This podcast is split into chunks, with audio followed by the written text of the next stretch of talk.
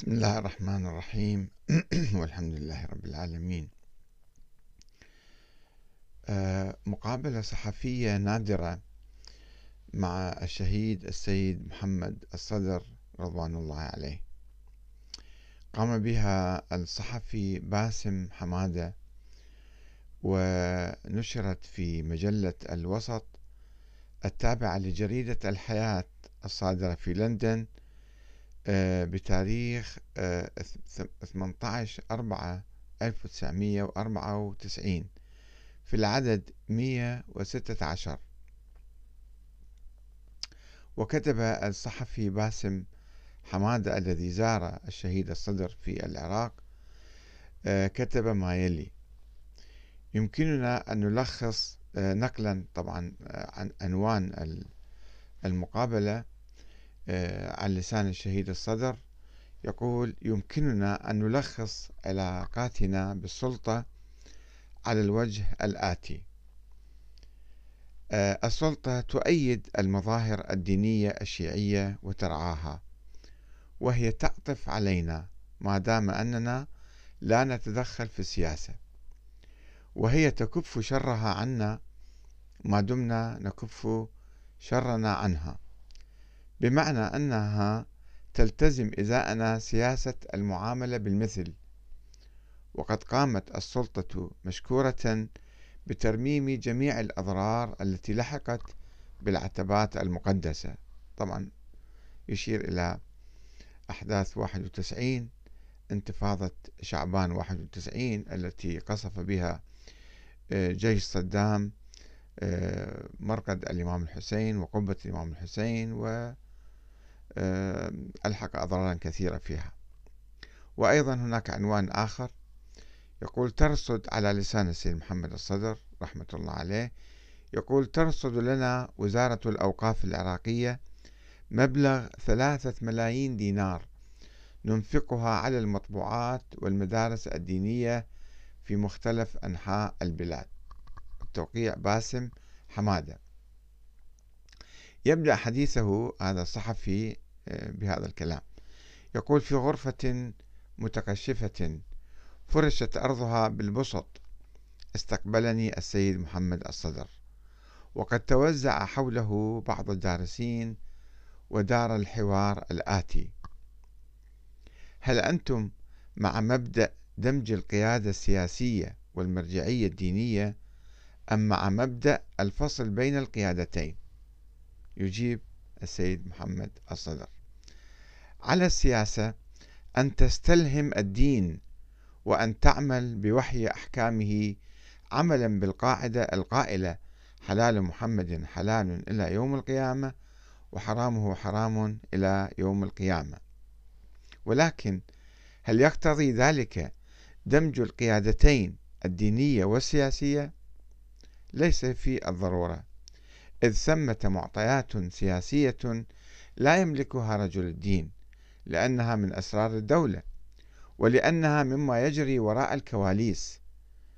فهل من الحكمة أن يتدخل رجل الدين في أمور لم يتح له أن يطلع عليها اطلاعا وافيا؟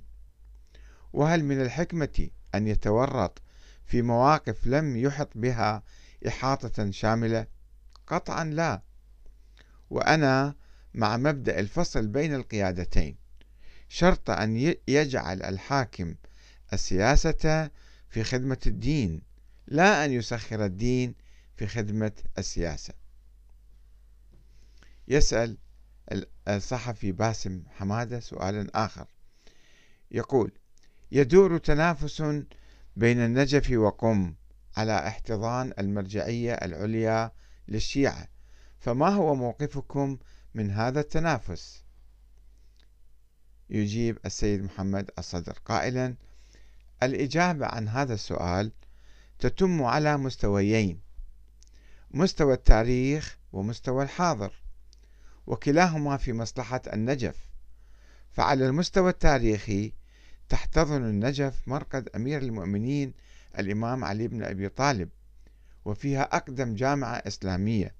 حفظت التراث الإسلامي عبر العصور وأمدت العالم الإسلامي بالفقهاء إلى كونها مقر المرجعية الدينية للشيعة طوال أجيال ومركزا ثقافيا أنجب من الفلاسفة والعلماء والفقهاء والأدباء ما لم ينجبه مركز إسلامي آخر.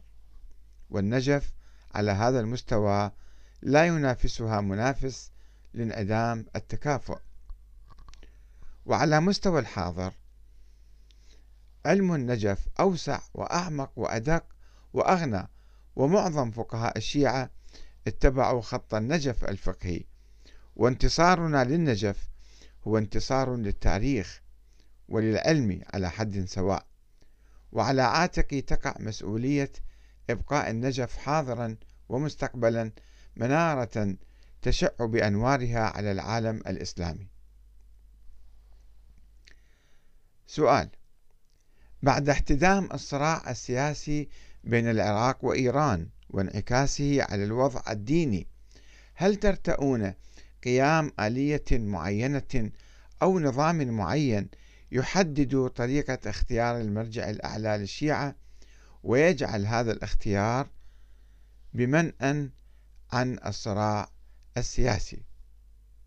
الجواب إدخال العنصر السياسي في العنصر الديني من هذه الناحية خطأ وتحريف وتحريف في الأحكام الشرعية لأنه يؤدي إلى اختيار من ليس أهلا للتقليد. الجانب السياسي يقتضي شخصا والجانب الديني يقتضي شخصا فإذا اتفقا كان خيرا وإذا اختلف فالجانب الديني هو المرجح وليس الجانب السياسي. والواقع أن من الصعب تحديد الأعلم بين الفقهاء لأن ذلك ينبع من قناعة فردية وفي حال تعددت الآراء وتضاربت في شأن من هو الأعلم يوجه سؤال أو مجموعة من الأسئلة إلى من تتوافر فيهم شروط الأعلمية ومواصفاتها لمعرفة فتوى كل منهم بخصوصها وفي ضوء الإجابة والأدلة والقرائن يصار إلى تعيين الأعلم.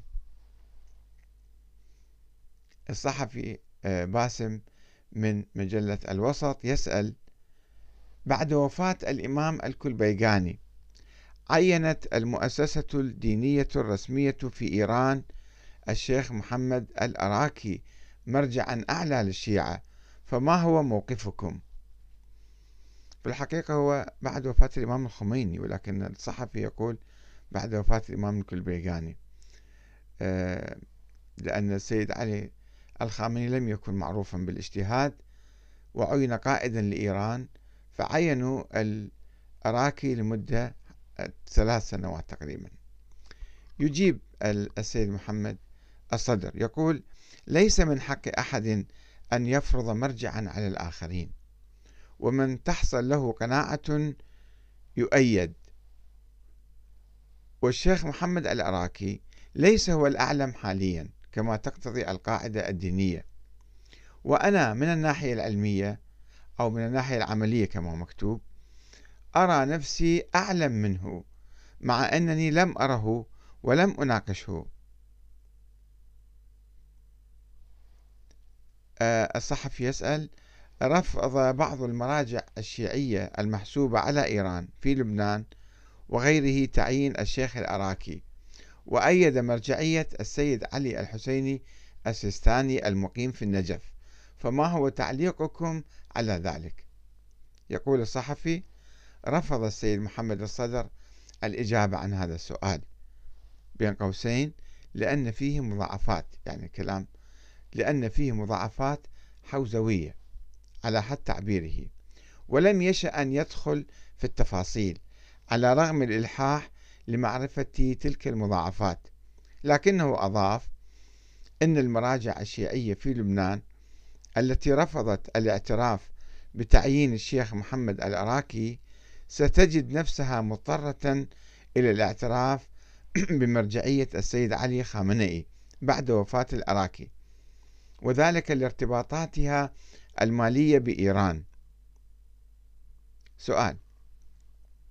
ما هو عدد الطلاب الذين يتابعون الدراسة في حوزة النجف الدينية؟ وما هي جنسياتهم؟ ومن يتولى تغطية نفقات تحصيلهم؟ الجواب.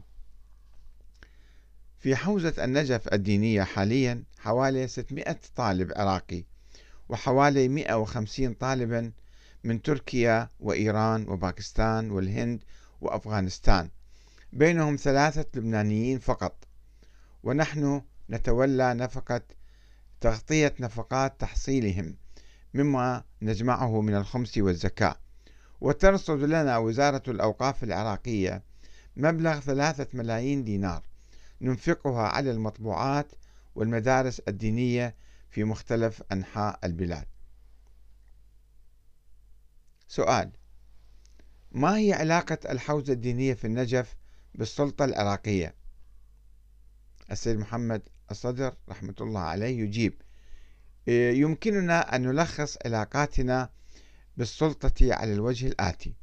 السلطة تؤيد المظاهر الدينية الشيعية وترعاها وهي تعطف علينا ما دام أننا لا نتدخل في السياسة وهي تكف شرها عنا ما دمنا نكف شرنا عنها. بمعنى أنها تلتزم إزاءنا سياسة المعاملة بالمثل. وقد قامت السلطة مشكورة بترميم جميع الأضرار التي لحقت بالعتبات المقدسة. وقبل الصحفي يكمل يقول وقبل أن أستأذن السيد محمد الصدر بالانصراف سألته هل ثمة صلة قربى بينه وبين الإمام السيد موسى الصدر؟ فأجاب هو ابن عم والدي وقد درس في النجف لمدة سنتين لكن دراسته الأساسية تمت في قم. ويضيف الصحفي آه، يقول الوسط يعني مجلة الوسط يعني ممثلها هو جالت على الروضات الحيدرية والحسينية والعباسية والتقت الصدر وآل ياسين. إجماع على مرجعية النجف وخلاف على الأسماء. وأيضا كما هو موجود في موقع الوسط تفاصيل النشر. المصدر الوسط الكاتب باسم حمادة. تاريخ النشر بالميلادي 18 4 1994 وتاريخ النشر النشر بالتاريخ الهجري 7 على 11 على 1414 منشأ المقابلة كربلاء والنجف رقم العدد 116 الصفحة 28 29 30 31 من العراق. والسلام عليكم ورحمة الله وبركاته. في الحقيقة هذه مقابلة نادرة ومهمة جدا. آه، تلقي بعض الضوء على العلاقة التي كانت آه، في بين السيد محمد الصدر وبين السلطة العراقية في تلك الأيام آه، في لدى انطلاق مرجعية السيد محمد الصدر. طبعا هناك أسئلة كثيرة أخرى يبدو لم تتح الفرصة لهذا الصحفي بالسؤال عنها. مرة أخرى السلام عليكم ورحمة الله وبركاته.